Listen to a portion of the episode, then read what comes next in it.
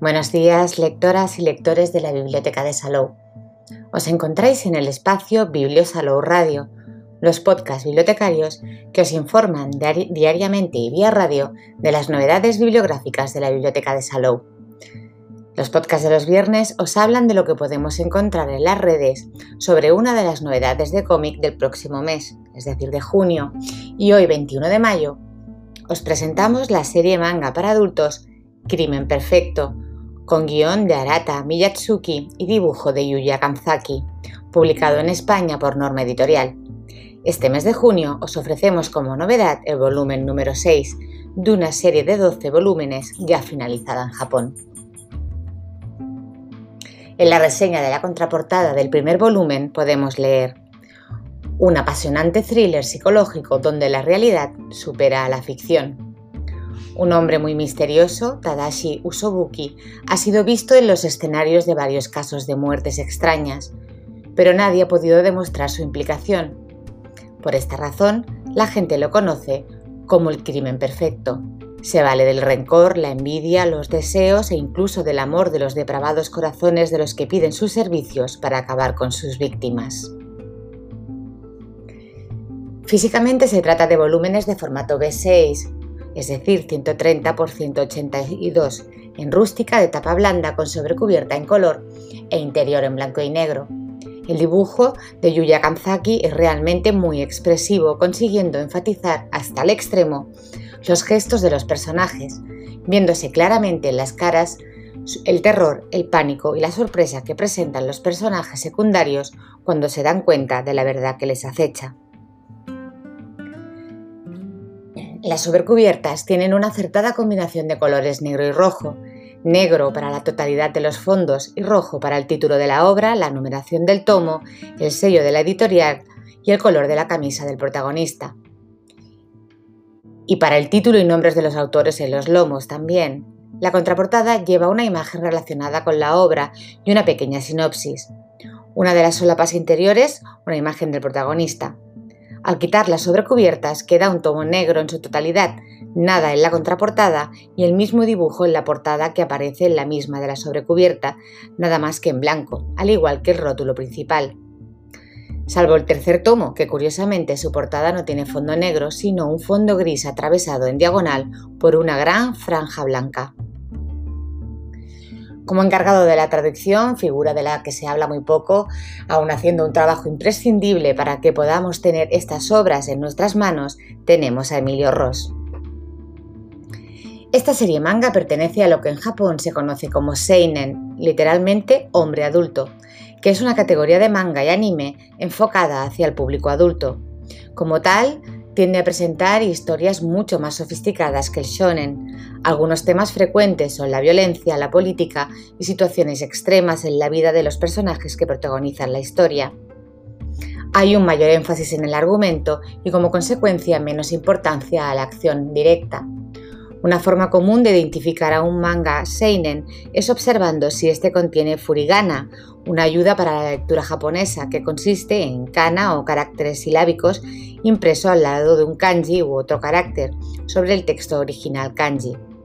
La carencia de furigana puede indicar que el texto está dirigido a una audiencia adulta. Algunos mangas exponentes del seinen son Vagabond, Monster, Berserk, Prison School, Blame, Stains, Gate, Vinland Saga, Kingdom, Innocent y Oyasumi Pum Pum.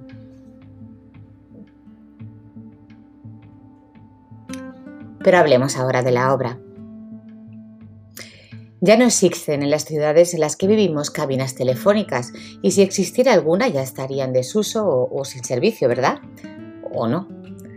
¿Dónde se pondría el traje de superhéroe ahora Superman?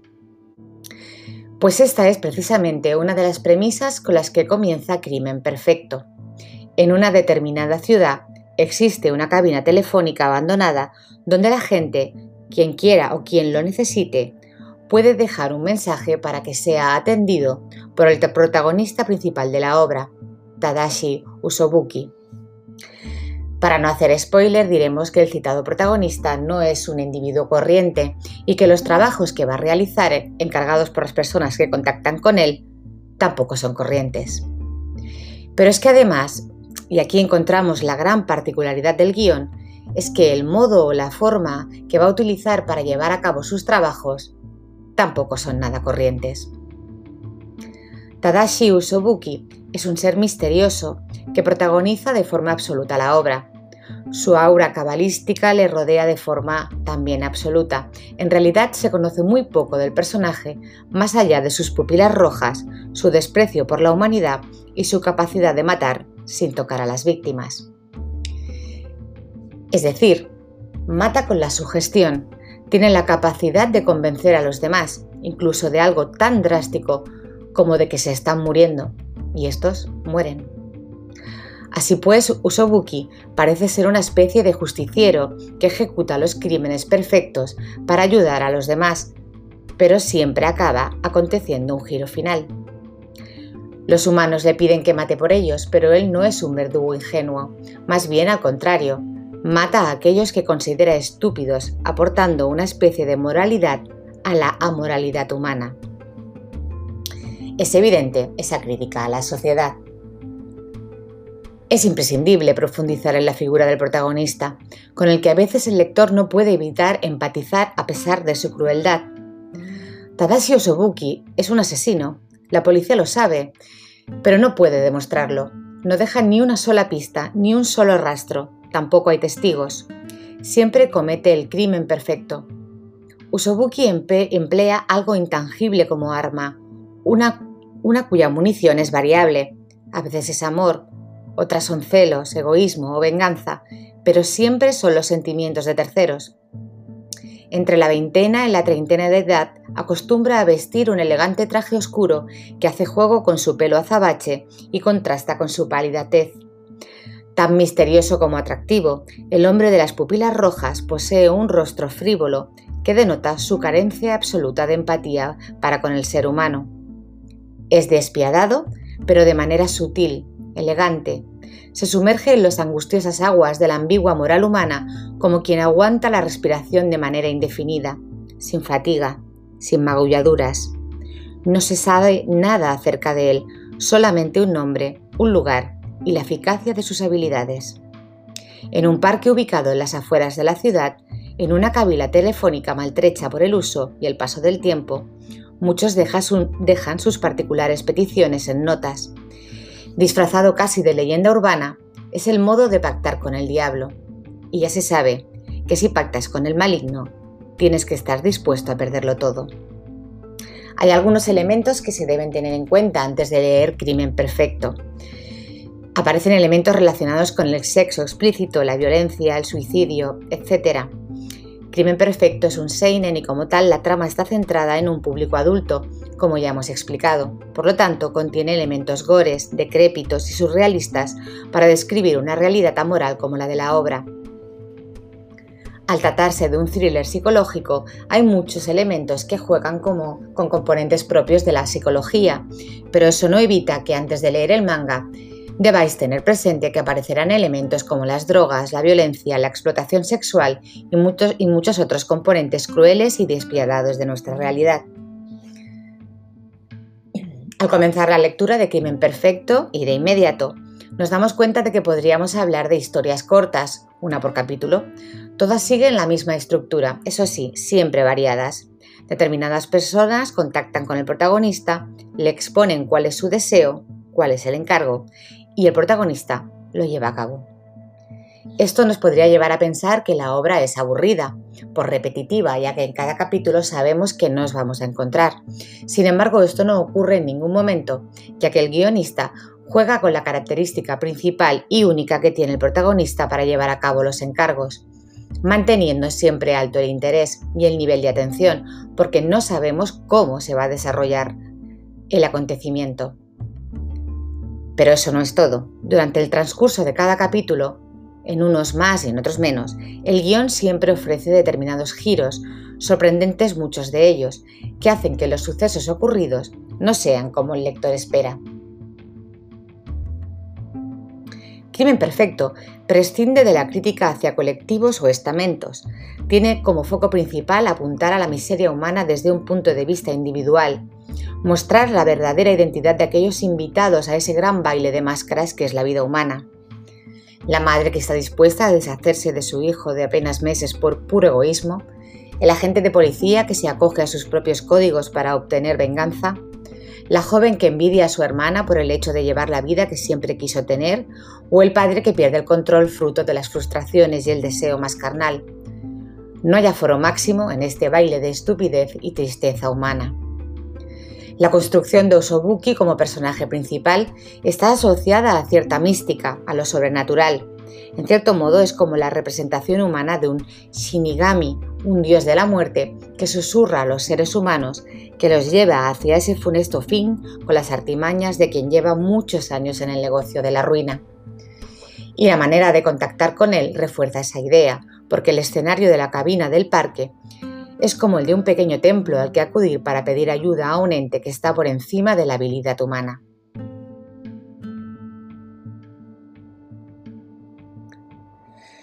En el apartado gráfico, el dibujo de Kanzaki está muy compenetrado con el guion. Nos permite seguir la historia manteniendo la intriga e incertidumbre que comentábamos anteriormente. A principio parece que no tiene muchos detalles, que es sobrio en este aspecto, sin embargo enseguida apreciamos que esto no es así. Destacaríamos el amplio repertorio de expresiones para los rostros de los personajes y que se trata de un diseño limpio, de trazo fino y bien definido. Los ambientes palidecen y no consiguen destacar, en parte, también por el predominio del plano medio y primer plano, donde Kanzaki sí logra exprimir el aroma de thriller psicológico de manera notable. Otro detalle a tener en cuenta es que apenas hay viñetas muy pequeñas, lo cual se agradece porque debido a las pequeñas dimensiones de estos tomos, si aparecen muchas viñetas de poco tamaño, donde los bocadillos son a veces muy pequeños, la lectura se hace difícil a veces. Pese a no contar todavía con una adaptación en serie anime, sí cuenta con una adaptación a imagen real en forma de película estrenada en 2018. Nos gustaría hablar un poco sobre los cómics psicológicos, los thrillers. En realidad, actualmente existen un conjunto importante de cómics que pertenecen a la categoría de Seinen y que engloban lo que podríamos llamar cómic psicológico. Entre ellos podríamos destacar las obras de Inio Asano, muchas de sus obras también las publica Norma, que se centran en una crítica a la sociedad japonesa con un importante componente psicológico. Por ejemplo, Buenas noches Pum Pum o El barrio de la luz son dos obras de Asano que pertenecerían a este tipo de manga. Tanto en Las sombras de Asano como en Crimen Perfecto aparece un elemento de meditación que impacta sobre el lector, comportando un elemento de madurez, de madurez y reflexión. También hablar con, una peculiaridad la, la, relación con el magnetizador de Hoffman. Si habéis leído el cuento de Hoffman, el magnetizador, si no aún estáis a tiempo, veréis una importante relación entre Crimen Perfecto, el manga, y el cuento de terror. Ambas obras parten de la sugestión como premisa para el control de los demás. Hoffman habla de magnetismo para hacer referencia a la hipnosis que permite a Alban, un malvado médico, controlar a María, a María, una joven enfermiza y sugestiva. En el caso de Crimen Perfecto, en lugar de hablar de magnetismo, se hace referencia a la sugestión, pero la premisa es la misma. Ambos usan la hipnosis para controlar a los demás de una forma maquiavélica. Así pues, solo piensan en los propios intereses y tienen una voluntad de animosidad hacia la amoralidad humana.